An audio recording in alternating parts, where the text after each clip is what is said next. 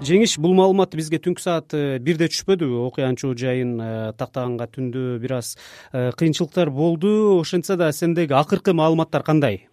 Кечээ төртүнчү июнь күнү кечке жуук саат алтыдан өткөндө ушул лейлек району тажикстан менен чектешкен кулунду айыл аймагындагы максат айылынын тургундары тажикстан менен чек арадагы ошол спорт аянтчасынын четине барып өздөрү өстүргөн кул тумай ошол жашылча жер жемиштерин Э, соодалайлы ошол жерден сатабыз базар э, сыяктуу кылып деп уюштуруп башташканда тажикстандын чек арачылары келип аларды э, кыргызстан аймагына кеткиле бул жерде болбойт. Бул жер тажикстан аймагы дегендей кылып кыргызстан тарапка кууп жиберишкен.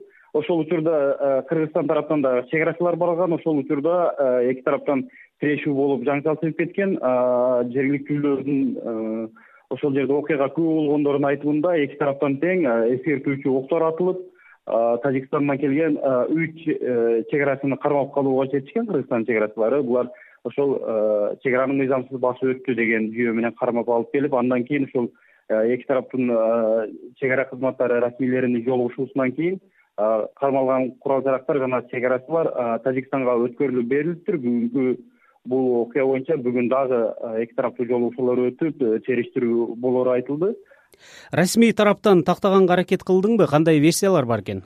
Албетте бул окуя окуянын болгондугун жергиликтүү чек арачылар ошондой эле жергиликтүү бийлик өкүлдөрү тастыктады. Ушундай окуя болду.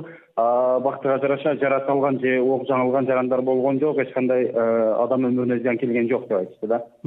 Жеңиш э, кийинки программаларыбызда толугураак маалымат тактап айтып бересиң да жеринен көрүп албетте ооба бүгүн ушул э, окуя болгон аймакка барып ал жерде жергиликтүү тургундардын ошол эле учурда чек арачылардын мындан тышкары дагы бул жерде маселелер көп. Анткени ошол максат айылы бир миң тогуз жүз токсон алтынчы жылы чек араны бекемдөө үчүн атайын э, үйлөр курулуп өкмөт тарабынан элдер көчүрүлүп берилген бирок али күнгө чейин алар токтомдорун ала албай бир топ маселелер бар ошолордун баарынан кабар алып келем. Рахмат бул баткендеги кабарчыбыз жеңиш айдаров болду. Телефон аркылуу кыргыз тажик чек арасында чыккан чыр тууралуу айтып берди. Ал азыр лейлектин максат айылына ошол э, жаңжал чыккан жерге баратат. Жолуң шыдыр болсун жеңиш такталган маалыматтарды күтөбүз